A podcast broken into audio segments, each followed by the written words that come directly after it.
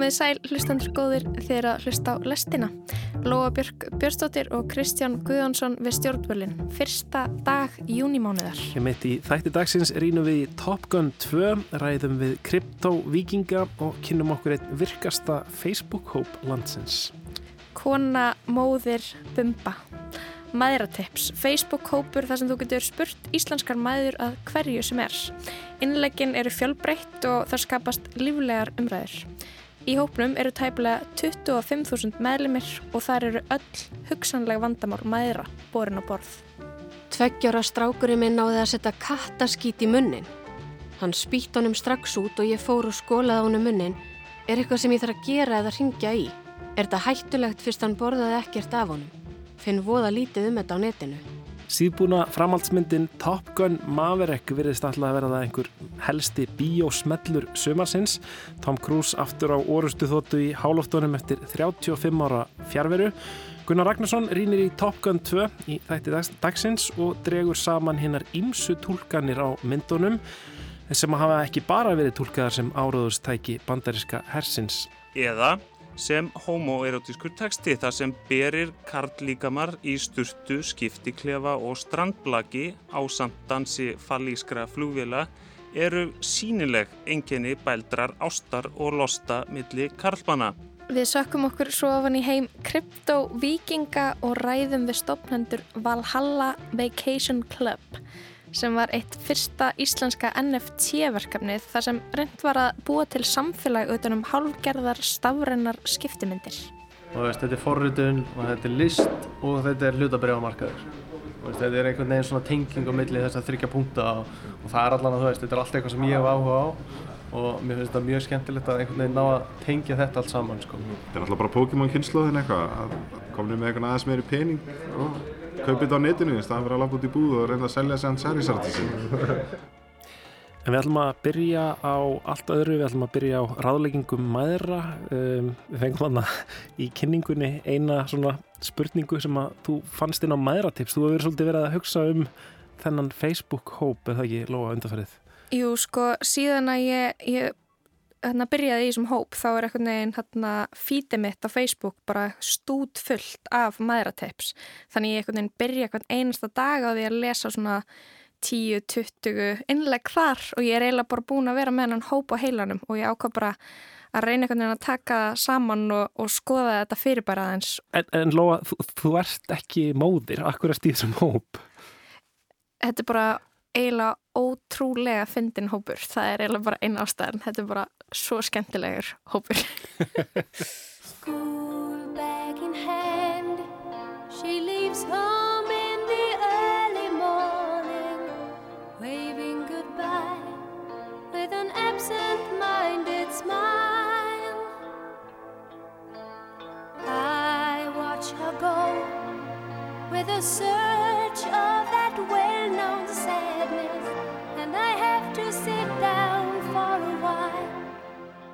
Móðurhlutverkið er eflaust flókið. Ekki bara fyrstu mánuðinir, brjóstakjöfin og frumbernskan þegar það þarf að passa allt. Passa að velja réttu þróskaleikungin. Passa að örfa það nóg og aðtöða hvort að andi þeirra sefur. Passa upp á að það drekki nóg og þingist nóg og fylgjast með því hvort það sé ekki örgulega að byrja að brosa á réttum tíma og minnumst ekki á sveprútínuna. Þetta er flókið. En fyrstu mánuðinir eru ekki bara flóknir, heldur líka allt sem gerist næst, öll hinn árin sem koma í kjölfarið. Þegar börnin leggja í einaldi eða eru lögði í einaldi, þegar það er skrítið exem sem fer ekki sama hvað, eða þegar mamman vil búa á selfossi en pappin á akureyri. Hvernig á að leysa það?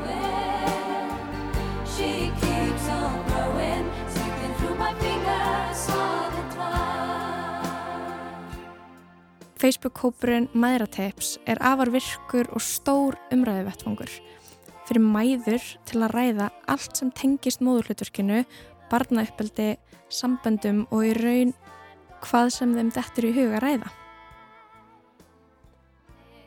Í lýsingu á hópnum stendur Mæðrateips er spinn á Beauty Tips hópin og er tilenga öllum mæðurum og verðandi mæðurum, skemmtilegum og fræðandi greinum og pislum sem koma uppeldi. Forveri þessa hóps geti verið barnaland, bland.ri sem var á endanum fátt annað en sölu síða, lungu hætt að vera einhvers konar nafnlaus umræðu vettfangur. Facebook-hópar hafa tekið við þessu hlutverki. Meðlumir Facebook síðunar Mæðrateips eru tæplega 25.000 til er sambarileg síða fyrir feður Pappateips sem tilur tæplega 13.000 meðlumi. Það líklegast einhver munur á umræðanum sem skapast á pappatips og mæratips en ég hef ekki kynnt mér þá síðu næla vel. Ég er hins vegar meðlumur á mæratips og hef fylst nokkuð vel með því sem fer fram þar inni. Ég smiklaði mér inn á fölskum forsöndum, saðist ég að átt ára svon. Um daginn fór Facebook að bjóða upp á þann möguleika að rita nafnlausar aðtöðsendir inn í hópa og þá opnaðist fyrir flóðgátt á mæratips. Það tóku að byrtast myndir af óléttu prófum þar sem línan er döif. Er þetta ekki öruglega jákvægt? Lýsingar á andlu ofbeldi í samböndum og beðum ráð. Alls konar viðkvæm málefni sem flestum þykir betra að brytta upp á í skjóli nafnleindar. Af innleikjunum á mæratips og dæma verðast margar mæður eiga erfitt með að treysta á innsæði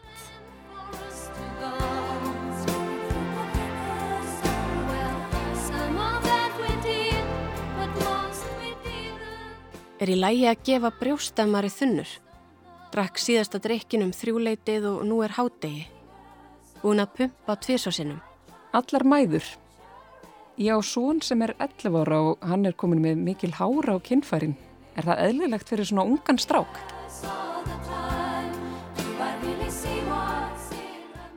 Síðastlegin sólaring hafa skapast umræðir um eftirfærandi málefni.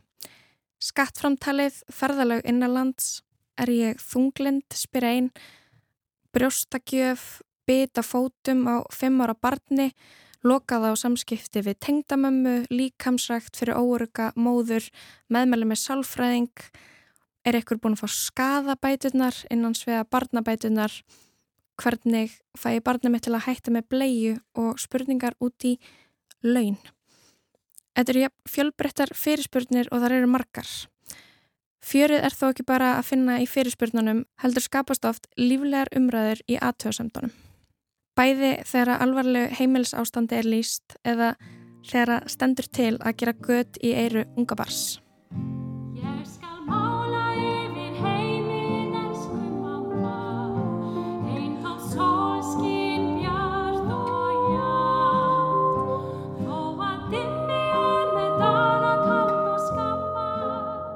Ekki beint mæðra en heimilistengt. Er með AEG þvóttavél og tromlanir að losna. Við Google las ég að þetta sé frekar flókin viðgerð og ekki mælst til að gera þetta sjálfur heima. Vélin er sjóra. Hefur einhver reynslu af því að láta gera við svona?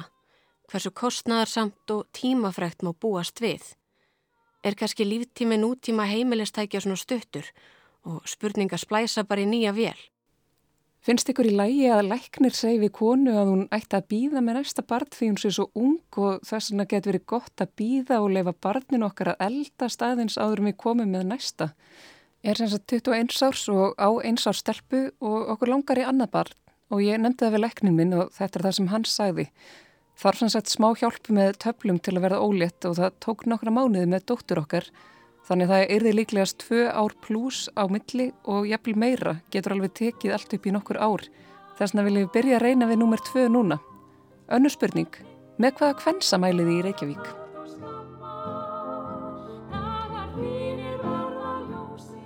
Er hópur eins og maðuratips rót maðura kvíða eða enginni á öðru dýbra vandamáli? Eru konur svo órugar með ein ákvarðanir að það eru varðan að treysta á skinnsemi ókunnura fremur en að treysta sínu einn innsæi.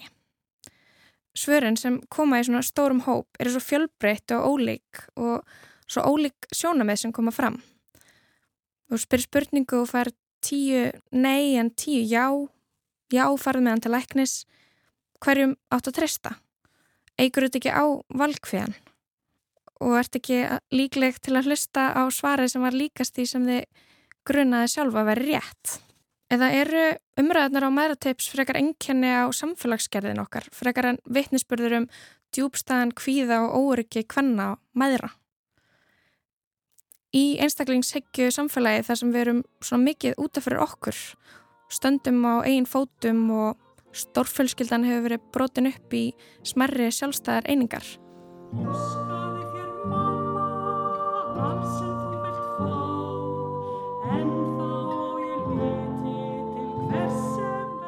Geti ykkur gefið mér lýsingar eða reynslur af byrtingarmynd andlegs ofbeldis af hálfu maka?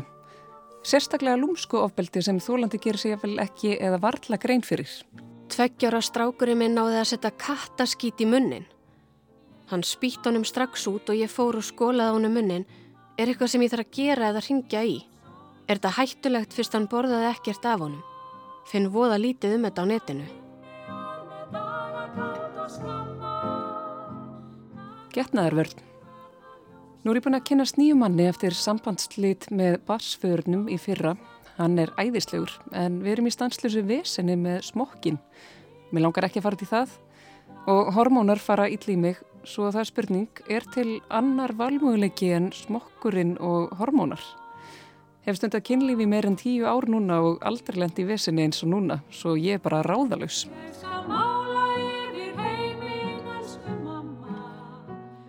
Ég veldi fyrir mér hvað segir okkur um samfélagið okkar að, að mæður þurfa að fá áleita á hverstaslegum vandamálum sem er auðvelt að spyrja fjölskyldumæðlemi eða vini úti.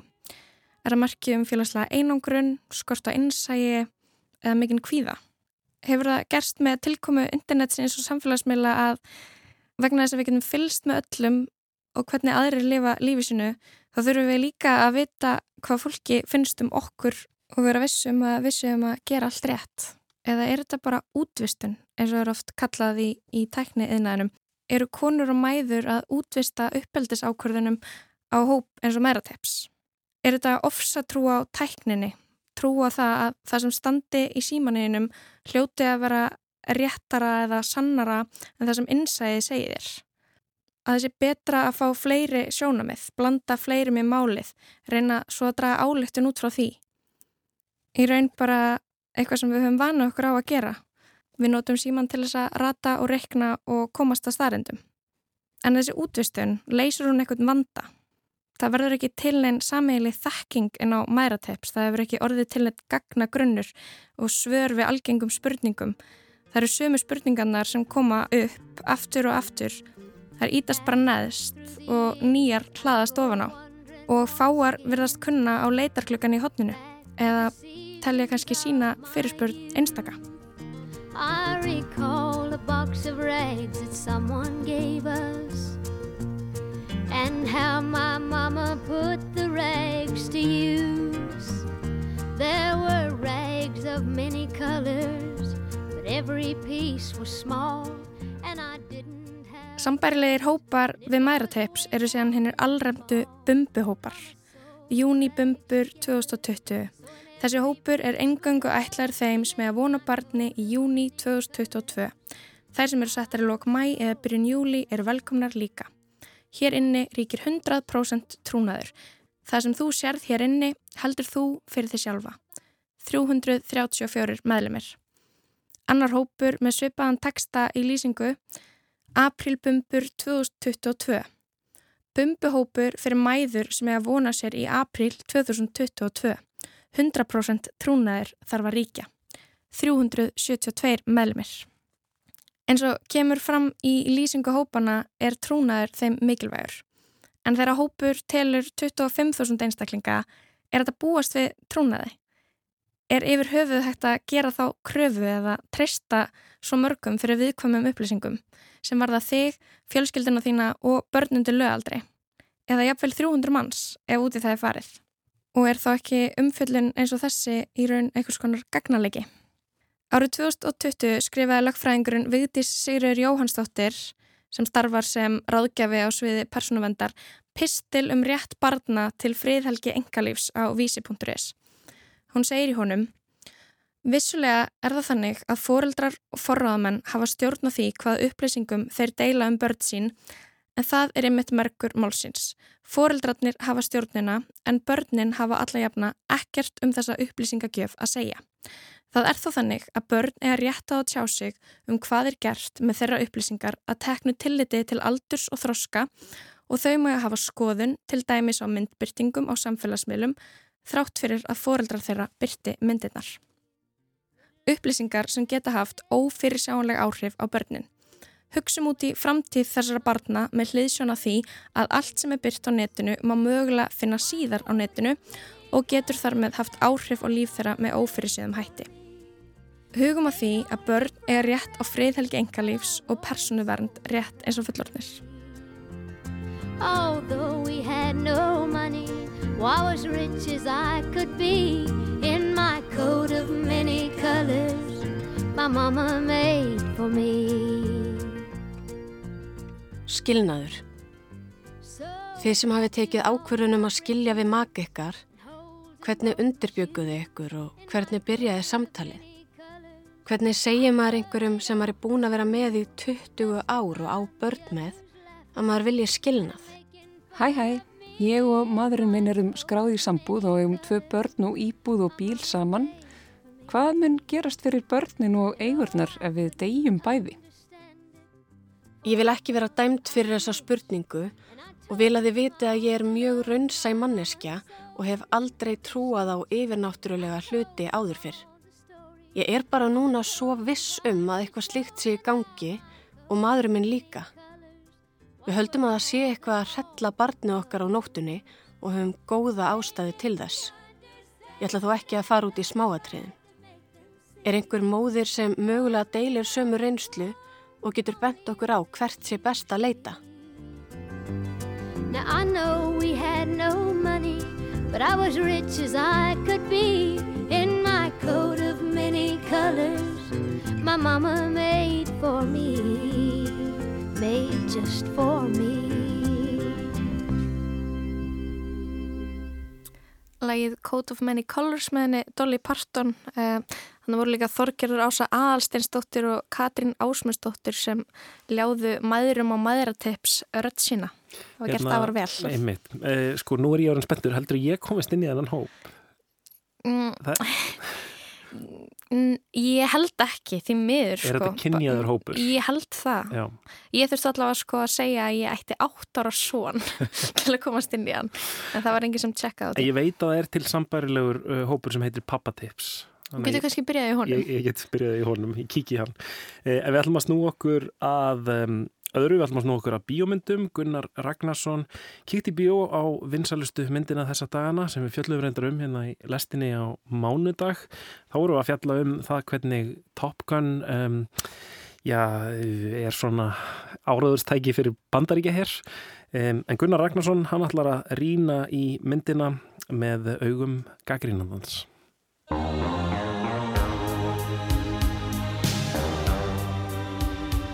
Seint koma sumir en koma þó. Top Gun Maverick, síðbúinn framhaldsmynd löðurandi sveitta sumarslagarans Top Gun sem gerði Tom Cruise að stórstjórnu er loks lent eftir 36 ár og með kvelli. Tregða Cruise við að setja á sig flugmanna um gjörðina á nýjan leik hefur vafalust borga sig. En engin mynd á 40 ára ferli leikarans hefur farið jafnvel af stað í kvikmyndahúsum. Á opnunarhelginni halaði Top Gun Maverick inn 248 miljónum bandaríkjadala á heimsvísu, tæpir 32 miljardar íslenska króna og er hún fyrsta kvikmynd leikarans til að fella 100 miljóna múrin á fyrstu síningarhelgi á heimamarkaði. Þetta gerir hana jafnframt að tekjuhæstu kvikmynd á nokkurar þáttöku ofurhetja frá því heimsfaraldur skall á. Þessar gríðarlegu vinsaldir bera þess vitni að fullordnir bíógestir eru aftur að skila sér í sætin í stórum stíl en rúmur helmingur áhórenda myndarinnar er eldri en 35 ára. Ferill Krús sem vel að merkja er orðin 59 ára gammal hefur verið engar farsæl og er eftirtæktavert að hann skuli enn vera á uppleið. Í bíólandslægi samtímans er eitt og sér merkilegt að stór mynd sem sækir aðdráttar apsitt umfram allt til aðalstjórnum sinnar en ekki stærri söguheims skuli ná slíkum hæðum. Krús hefur verið kallaður síðasta kvikmyndastjarnan og þó að það sé ofsögum sagt er hann líklega síðastur sinnar tegundar. Afsprengi tíma þegar kvikmyndastjörnur höfðu meira vægi innan menningarinnar, þjenuð meira og dróðu einar og sér árendur í kvikmyndahús.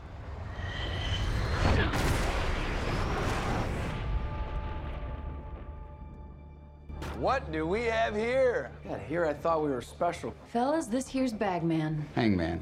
Whatever. What the hell kind of mission is this?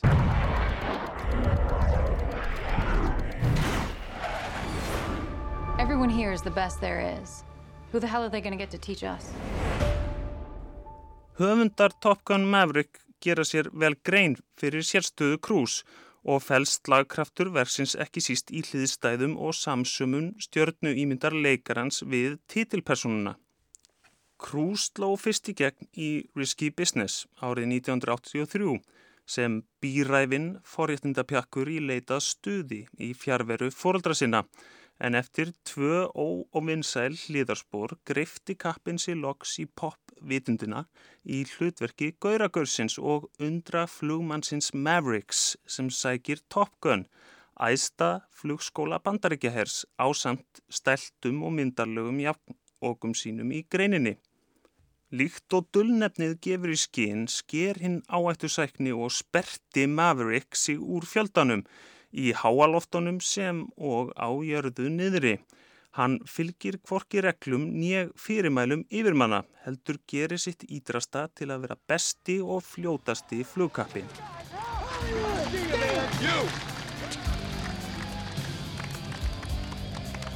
You are still dangerous. You can be my wingman anytime. Bullshit. You can be mine.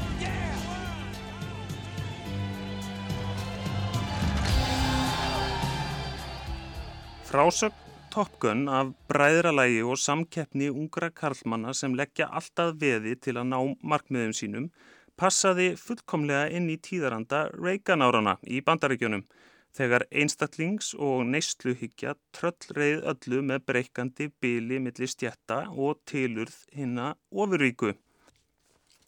Kvikt og litrikt handbragð breska leikstjórans Tony Scott sem ól mannin í auglýsingagerð á samt Ridley bróður var í takt við byltingu tónlistamindbanda MTV stöðvarinnar og síndi drápsvélar háloftana á lokkandi máta eins og dans bíflugna eða ballett. Popcorn slóð Top Gun vísar í margar mismunandi áttir og sínir fram á mikla þýðingu tekstans innan dægurmenningar. Kvikmyndin hefur verið eftirminnilega greind ímist sem söngleikur þar sem flugatriðin eru söngatriði og flugvélunar dansarar sem áráðustæki fyrir bandaríska herin þegar myndin var sínd sendi bandaríski sjóherin fulltrúa sína í andiri kvikmyndahúsa til þess að skrá nýðliða eða sem homoerotískur teksti þar sem berir karlíkamar í sturtu, skiptiklefa og strandblaki á samtansi fallískra flugvila eru sínileg enginni bældrar ástar og losta milli karlbana. Ekki má gleima merkingu myndarinnar fyrir kvikmyndastjórnuna Tom Cruise. Augnabliki sem íkon var til, þar með varðan ódöðlugur með sólglerugu á mótorhjólinu og eflaust er þetta hlutverki sem tengist enn sterkast ímynd hans. I feel the need, the need for speed. Söguhetja Top Gun Maverick hefur ekkert breyst frá því tónar The Righteous Brothers heyrðust undir lok síðustu myndar. Nærkominn samstagsfélagi segir ítrekkaði gegnum myndina sömu hendingu við kappan. Mér líkar ekki við hennar svip sem Maverick svarar Þetta er svo eini sem ég hef. It's the only one I've got. Líkt og persóna Mavericks hefur ásýnd Toms Cruise ekki breyst og hvort sem hann sípur af elixir guðana eða kvílir í fristukistu á nóttinni, þá er nokkuð víst að það hefur borið til ætlaðan árangur. Maverick hefur þrátt fyrir ofurgáur sem flúmaður og fórustuhæfileika haldið stöðu sinni sem kafteinn innan hersins. Hann lifir til þess að fljúa og kannar þar í stumörkins mögulega án þess að bera ofmikla ábyrð á öðru en sér sjálfum. Þegar komið er sögu er kappanum upp á kant við allt og alla. Hverskins yfirvald tólir ekki sérlindið og framtagssemina og kaftinnin því í hættu um að verða risaðla í síbreytilegum heimi. Útdauð tegund sem minnir á bíóstjörnu eins og Tom Cruise eða hvað. Eftir vinseldir Top Gun hefur Cruise farið sínar eiginlegir. Vann ímist með höfundalegstorum eða í hasarmyndum. Undatekningalust var hann í aðalhutverki, tók áhættur í verkefnavali og oftast nær urðu myndinar vinselar. Frá aldamótum var hann undeldari út af hlutdeldsinni í starfi vísindakirkjunar og furðulegs háttalags í tengstum við engalífið. Á sama tíma einbyttið hann sér að hlutverkum í vísindaskáldsap og hasarmyndum og hafa Mission Impossible myndinar orðið sex talsins en fram að Top Gun Maverick eru það einu framhaldsmyndinar sem hann hefur tekið þátt í. En sá myndabálkur hverfist aðalega um stjórnu í mynd hans. Frægur er hann fyrir að framkæma öll áættu atriði sjálfur, lifir á istu nöf eins og Maverick. The MiG has you in his gun sight. What were you thinking at this point? You don't have time to think up there. If you think, you're dead. You think up there, you're dead. Believe me.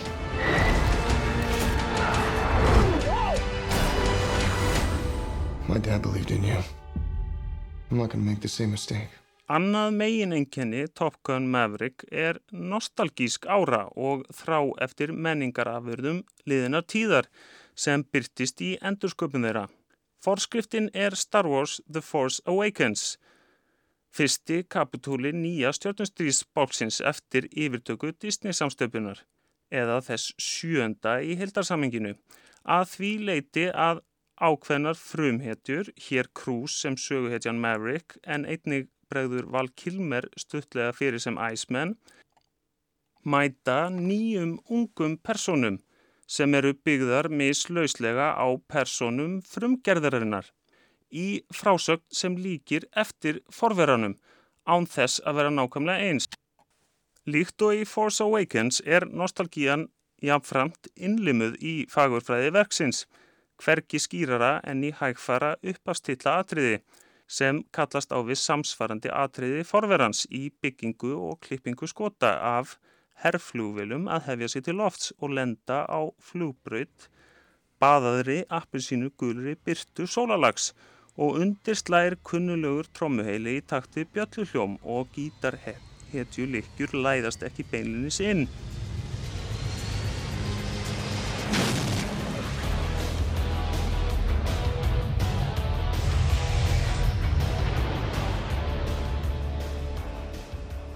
Skildleiki myndarinnar við stjörnustríðin nær þó enn lengra en aðalverkefni flugskóla sveitarinnar sem Maverick er fenginn til að leiða er afar keimlík þeysirið loga Gengiangils úr upphaflegu stjörnustríðsmyndinni frá 1978 þegar dauðastjarnar ílveldisins er sprengt upp á ótrúlegan máta. Sem fyrr eru hlutinir kunnulegir en ekki nákvæmlega eins. Annmarkar handrits Top Gun Maverick eru þó nokkrir. Nú tólkar Jennifer Connolly ástarviðfang Mavericks sem hefur megin tilgang þann að fleita fram sögu hans og setjast aftan á mótuhjólið en leikonan glæði því vel lífi. Eins og við má búast er osturinn ekki beinlinis fínt skorinn. Frábær flugatriði í háaloftum og óvænt vending í lokakabla á samt vel hefnaðri nótkun á stjórnu ímynd Toms Cruise gera Top Gun Maverick að skemmtilegri bíóöflöfun, þrátt fyrir vafasama hugmyndafræði. Megin intak Top Gun Maverick verðist vera að á sumum stundum borgar sig einfallega ekki að hugsa.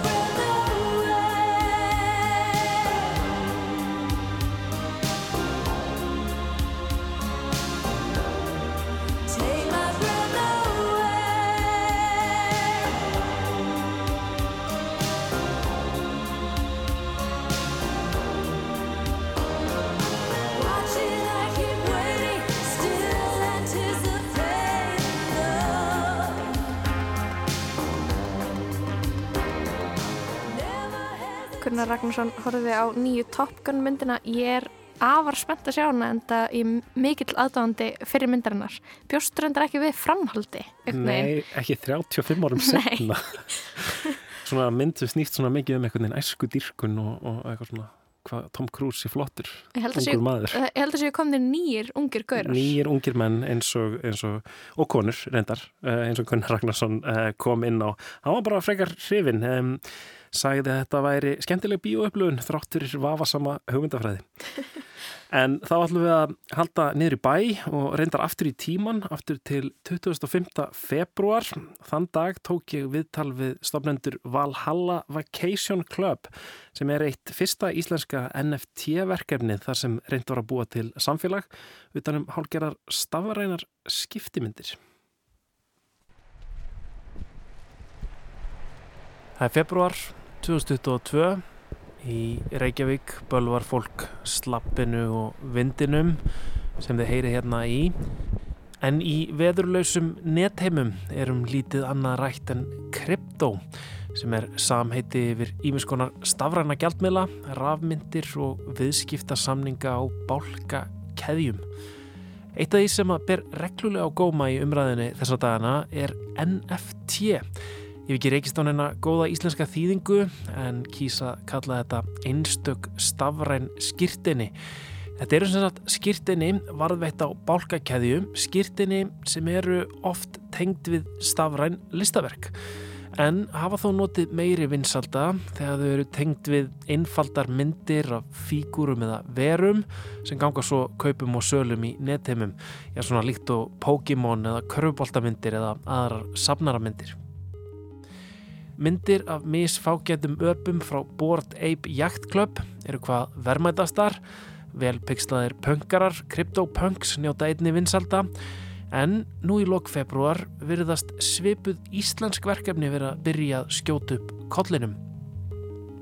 Djúft í yðrum vefsins þá rækst ég á eitt slíkt verkefni, Valhalla Vacation Club.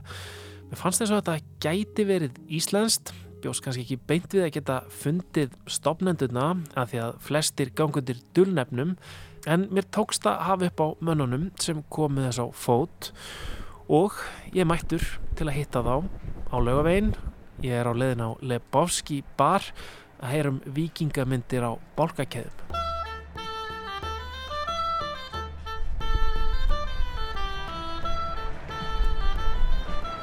Hei, góðan dag Þið eru að koma að hitta hérna herramenn? Já! Það er að kvæða? Það, já. Sýta hérna, mögulega hérna. Ég heiti Adam Viðarsson og ég er náttúrulega búinn að vera að forrita bara síðan ég var krakki eiginlega og hef verið að vinna við alls konar hérna upp og vefsíður hérna á Íslandi gegnum stokk og, og í fyrirtæki sem ég stofnaði sjálfur og já, var meðal hans að vinna á TripAdvisor líka sem að kipti hérna bókun í íslenska fyrirtækið og hætti síðan þar fyrir cirka ári síðan og fer að vinna bara sjálfstætt. Ég Stefan Pálmarsson, ég er bara teiknarinn og er, teiknað, er alltaf bara að teikna og teikna. Og, og vinnur við það? Nei, ég vinn á leikskóla. það gefur mig tíma til að teikna í vinnunni, þannig að það er fínt.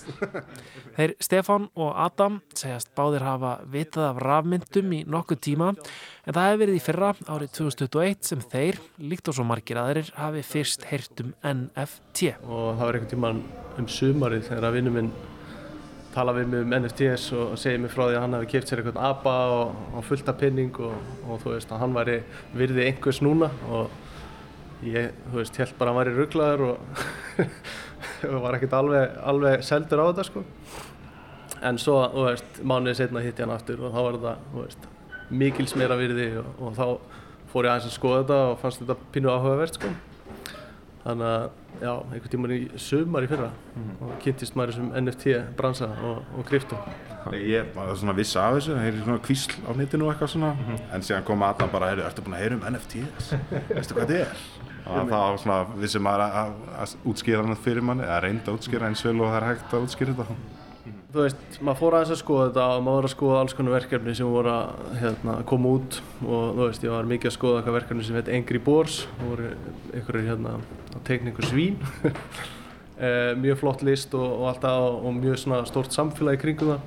Og ég var sem sagt að taka þátt í því að kaupa þegar þeir voru að gefa verkefni út eða sem sagt að mynda heitir þetta í NFT og þú veist, ég var að skoða sem sagt reikningin síðan á baku tjöldin sem er á bálkakeðinni og sá bara þessa upphæð tikka hann inn á, á nokkrum klukkutímum og var bara, þú veist, 200-300 þúsund dólarar. Og þá fór maður að hugsa svona þess, já, ok, hérna getur maður gert þetta líka, skiljur og, og, og hérna, þá kveiknaði svona áhugin fyrir að pæla þessi því.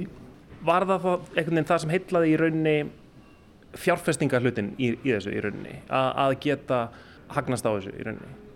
Uh, þú veist, auðvitað, er, maður vil alltaf búa eitthvað til til þess að græða eitthvað pening, skilur annars væri maður kannski ekki að eða öllu lífinu sinni að, að vinna svona mikið, sko, en svo var þetta líka bara að þetta var svo nýtt að, þú veist, já, ok, kannski ekki alveg nýtt, en þetta var að koma upp á yfirborðið sem einhver búbla, sko, og það er mjög skemmtilegt að taka þátt í því og, þú veist, ef maður hugsa bara tilbaka, þú veist, .com búblan og svona, þú veist, allir sem að tóku þátt í því höfðu allan að vera gaman að það, skilur, og, og að sjálfsögðu er náttúrulega líka alltaf gaman ef maður græðir eitthvað penning á sama tíma sko. Þið ákveðið síðan að uh, já, taka ykkur saman og, og hérna, búa til ykkar eigið svona NFT verkefni. Og það gerist bara hérna á Lebowski bar í Nöðborg Reykjavíkur, hugmyndin kveiknar hérna, Bjórum og koktelum Segji mig bara frá þessu verkefni. Uh, Sko, voru við strax búin ákveða vikinga? Nei, við vorum ekki búin að ákveða vikinga, við vorum búin að ákveða, veist, allan að fara að gera eitthvað NFT-verkefni og, veist, við vorum búin að skoða bara hvernig maður gerði það og, og veist, og hvað aðrir voru að gera, þannig að maður væri kannski koma og gera nákvæmlega sama eitthvað annar. Já. Það voru náttúrulega, eins og með abana, það voru allir að reyna að gera eitthvað öðruvísi aba og, og reyna að samfara fólkum að það sé máli líka, sko. En, en við ákveðum að, að gera eitthvað allt annað og rættum alveg margar hugmyndir og vorum akkurat með steppa hérna að fá okkur nokkra bjóra og svo var hann bara að byrja að teikna og þá var komin eitthvað svona lítill vikingur á, á svona Servéttur? Já, servéttisbúð Sér náttúrulega líka bara vikingur að þú veist, vorum að spáði náttúrulega að við erum Íslandingar og eitthvað svona, við erum að gera eitthvað. Og það var bara vikingar það, eiginlega, það voru eiginlega engi verkefni á þeim tíma sem voru með eitthvað vikinga þannig að við vorum bara gæðið, það er flott. Það er enginn að gera þetta, við getum gert þetta og þú veist það er svona, já, fólk er með mikla íslensku, íslendinga grettu þannig í útlöndum, þannig að það er svona líka annar einhvern veginn sölupunktur og eitthvað. Mm.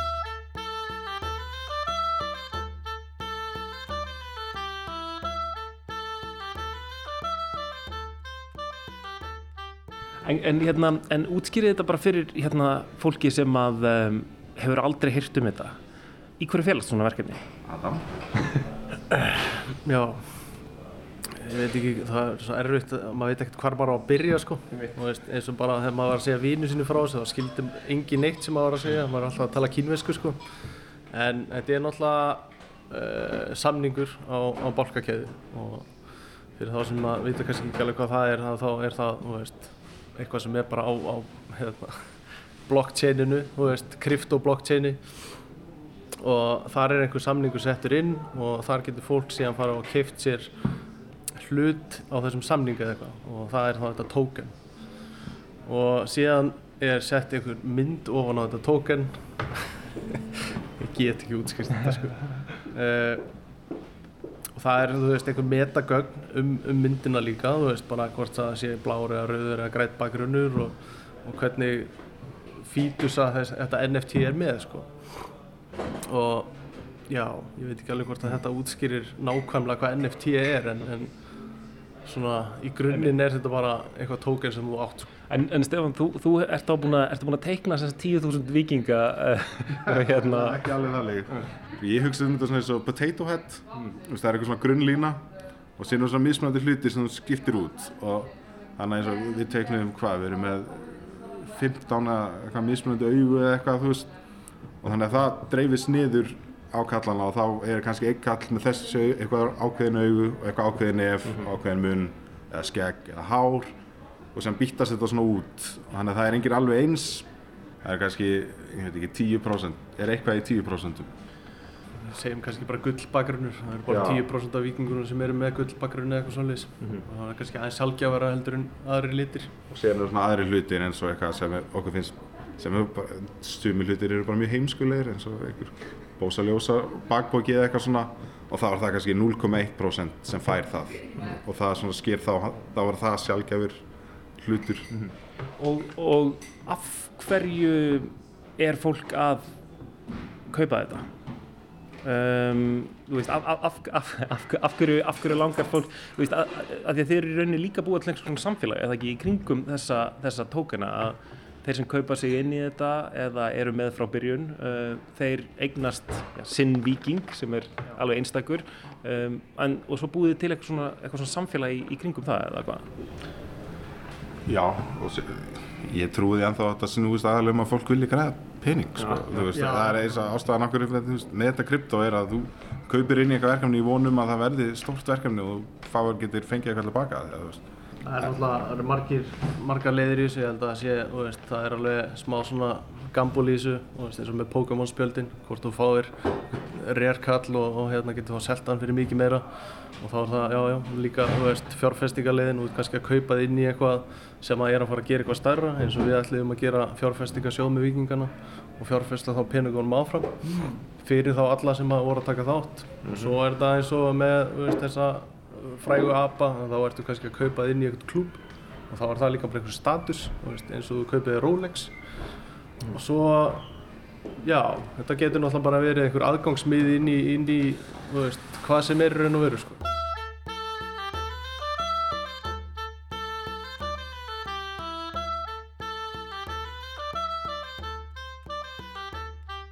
Við vildum uh, taka allan að stóran hluta af því sem við myndum fá úr sölunni á öllum vikingurum og setja þá bara í sjóð fyrir alla sem að hérna, eiga vikinga og fjárfesta þá í e, dýrari NFTs mm. veist, eins og að kaupa einn apa, veist, maður er alltaf að tala um þessa apa því þeir eru, þeir eru flottastir í þessum bransa en, hérna, en við ætlum að, að reyna að hjálpa fólki bara að eigna svona apa Eh, eða allan að hluta mm -hmm. af apanum og, veist, og það er þá einhver svona langtíma fjárfæsting fyrir alla þá sem að kaupa sér vikinga mm -hmm. Fyrir samfélagið? Fyrir samfélagið, já. En hvernig, og hvernig, hvernig hefur gengið að, um, að, að fá fólk til þess að taka þátt í þessu verkefni með ykkur? Þetta gekk, þú veist, hefur alveg gengið ágætlega, finnst okkur, ég meina okkur finnst við hafa náð ákveðin markmiðum veist, sem við byggumst ekki einu svona við sko. Við náðum ekki að selja alla þessar 10.000 vikingar sem við ætliðum að selja. Það er kannski svolítið stórt markmið. Já, kannski. Eh, þú veist, af því að við kunnum ekki neitt mikið á marketing í þessum bransa eða kryptoheiminum og allt það. En við náðum allan að selja næstu í 10% mm. og, og við erum búin að búa til... Flott samfélag. Já, já, akkurat. Spilakvöld og alls konar, einn á Discord sko. Þetta er, er öðruvísi heimur og það er bara mjög gaman að fá að kynast allir þessi liði veist, við erum búin að selja hérna, vikinga út um allan heim næstu sko, og við erum bara með fólk út um allt mm.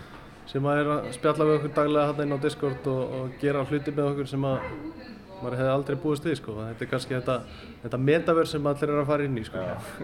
Hurðulega mikið áströlum Já.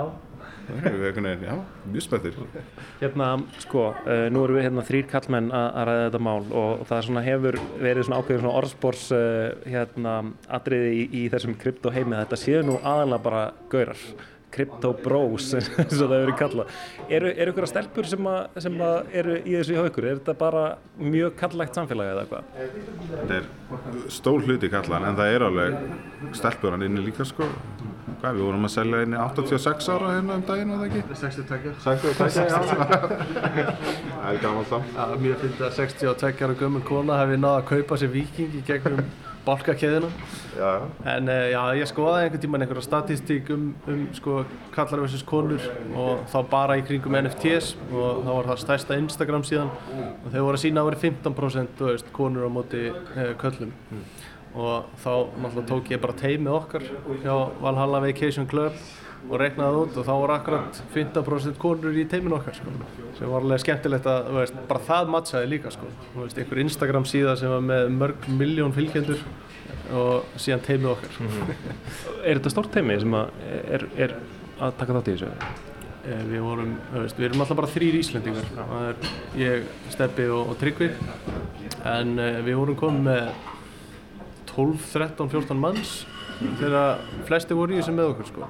Þá, þá bara út um allan heim að hjálpa okkur að gera ímislegt sko, en aðalega þá bara að hérna, halda diskordinu í gangandi og spjallaði fólk þar sko. -hmm.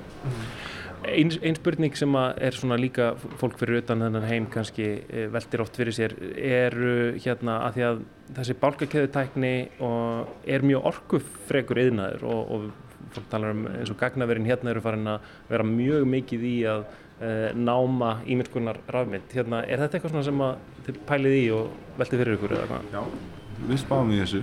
Við vorum með plan. Já, við ætlum akkurat að hérna planta tveimur trjám fyrir hvern, hvern viking sem við myndum að selja og við ætlum að standa við það við ætlum að sá okkur um trjám hérna í búadalum held ég Já. Þannig að það er svona kólefnisjöfnun á, á þessu Það er einn að gera eitthvað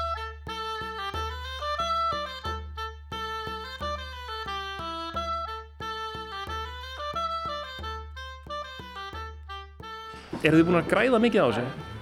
Eh, já, já, ef þú veist kannski ekki alveg það sem maður vildi græða eða þú veist, eða það sem maður var að setja sem markmið en þú veist. Það er náttúrulega líka búin að setja svo mikið peningin aftur inn í verkefnið, þú veist. Og fáum inn og nótum það allar að reyna að stækka okkur og gera meira sko. Ég hef alveg sagt að við grætum alveg fullt af pening en við erum líka búin að tapa fullt af pening, þú veist því að við vorum að reyna náttúrulega marka að setja verkefnið þannig að við myndum kannski selja einhverja fleiri vikinga eða bara fá fleiri inn í klubbin sko. Og þá þú veist þetta er allt öðruvísi heldur en bara að gera viðskipti við eitthvað fyrirtæki hérna á Íslandi eða þú veist einhver staðar út í heimi því að þá ertu bara að tala við eitthvað mannesku í eitthvað allt annar tölvu einhver staðar og þú ert bara að treysta því að hann sé að fara að gera það sem hann segist alltaf að gera. Eitt dæmi er það við eittum einhverju miljón í eitthvað YouTube-vídeó sem átt að fjalla um vikingan okkar og, og hérna svo bara skilaðist þetta YouTube-vídeó sér ekki og, og það kom síðan einhverjum nokkrum dögum of seint þannig að það, við fengum ekkert út í basically. Og það er alls konar svona í kryptoheiminum sem að maður er náttúrulega búin að læra núna veist, maður á kannski ekkert að vera að treysta öllum sem að er að þykjast eða bjóða upp á einhverjum servisu eða þjónustur fólk verðist vera algjörlega á svona svolítið tveimur ásum annarkvort að þetta sé algjörlega framtíðin og munum bara hérna, breyta miklu bara fyrir mannlegt samfélag og svo hinnir sem að vilja eiginlega meina að þetta sé bara svona píramítasvindl um, hvern, hvernig svona, hvar standið þið? Verður maður ekki, verður maður ekki að hafa svolítið trú á sig ef maður er í þessu? Maður getur ekki sagt að þetta sé ekki að fara að vera framtíðin sko, en, en ja, partur af framtíðin sé e, ég sé alveg fyrir mér að mögulega einhver tíman að þá verður hægt að setja mögulega fasteignir eða veist, selja bíla eða gert eitthvað svona stærri og alveg viðskipti á NFT eða nota allan tækningum á bakveða sko. Mm. Ég, ég veist, held að vera ekkert alltaf bara einhverja myndir af einhverjum öpum eða veist, vikingum eða eitthvað sem að muni skilgreina NFT sko.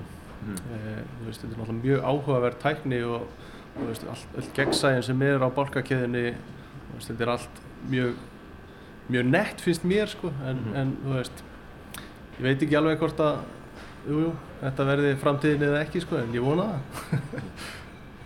Ég, ég skilit ekki að það sko þannig að ég tekna bara myndir. Þú veist til dæmis eins og með fastegnasölur eða eitthvað skilur að, að geta séð á hvað verði einhver keipti fastegn sem þú ert kannski að fara að kaupa.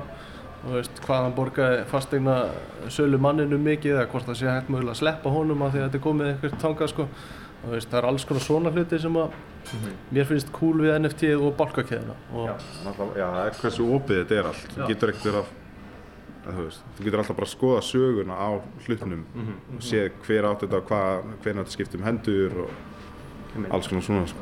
Eftir að tala við ykkur þá svona hugsa ég sko, þetta er ótrúlega fyndin blanda af einmitt svona einhverju svona Pokémon svona safnmynda söfnun einhver sko og svo fjárfestingum og, og fjárfestinga eins og þú segir fjárfestingasjóður og þetta er svona bæði eitthvað svona saga og, og, og líka eitthvað viðskipti. Þannig að þetta er, þetta er mjög undarleg blanda myndi ég að segja þetta er skemmtileg blanda þú veist. Þetta, fyrir mér er þetta svolítið svona veist, þetta er forritun og þetta er list og þetta er hlutabriðamarkaður þetta er einhvern veginn svona tenging á milli þess að þryggja punkta og það er allan að þú veist þetta er allt eitthvað sem ég hef áhuga á og mér finnst þetta mjög skemmtilegt að einhvern veginn ná að tengja þetta allt saman sko.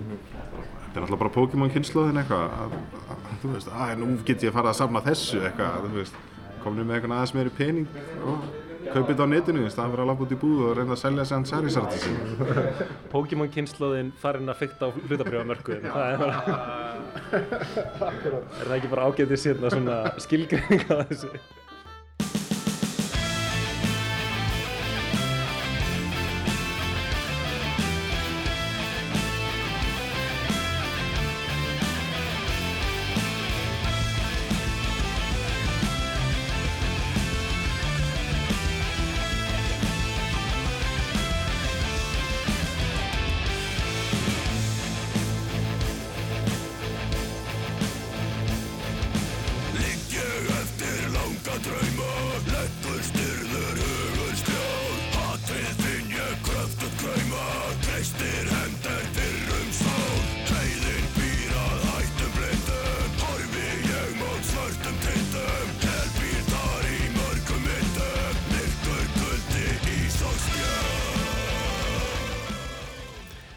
Rætt við Adam Viðarsson og Stefan Pálmarsson, stofnendur Valhalla Vacation Club sem var líklega eitt fyrsta íslenska NFT-verkefnið þar sem að reynda að búa til samfélag utanum hvað ég var að segja, hálfgerðar stafrænar skipti myndir. eins og Pokémon eða Yu-Gi-Oh! Já, einmitt eins og, eins og þeir uh, rættu um. Eins og áður kom fram þá var þetta viðtal tekið í, í februar, í lokfebruar og í rauninni mikið breyst í þessum kryptoheimi, rafmynd, rafmyndar heimi e, síðan þá Adam talaði við mig um að, ein vika í kryptoheiminum væri svona mánuður í, í heiminum utan þess, þannig að það er rauninni ár síðan ég tók þetta viðtal þó það er bara verið lók februar. Þannig að við vorum í alvöruna að fara aftur í tíman. Já, en uh, það er mikið búið að gerast síðan þetta viðtal að tekið um, þeir strákarnir sem ég rætti við, þeir eru svona eiginlega búin að segja sig frá þessu verkefni og aðrir konur við stjórnvölinn en þeir eru svona innan, innan handar og svo náttúrulega hefur uh, rafmynd uh, bransin einhvern veginn farið í svolítið mikla dífu, eiginlega kannski bara stæstu dífuna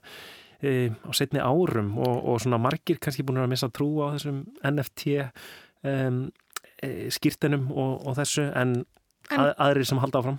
En uh, veistu eitthvað með strákana voru, eru þeir uh, ennþá heit trúaðir á, á NFT? Á ég hef ekki, ekki fengið þær upplýsingar frá þeim uh, okay. uh, hvort það séu önnur verkefni væntanlega en þeir eru alveg búin að dífa litlu tónu onni þetta og öðlast einhverju reynslu sem kannski nýtist í, í fregari verkefni í framtíðinni annars konar NFT vikinga eða einhverju önnur fyrirbæri sjáum til.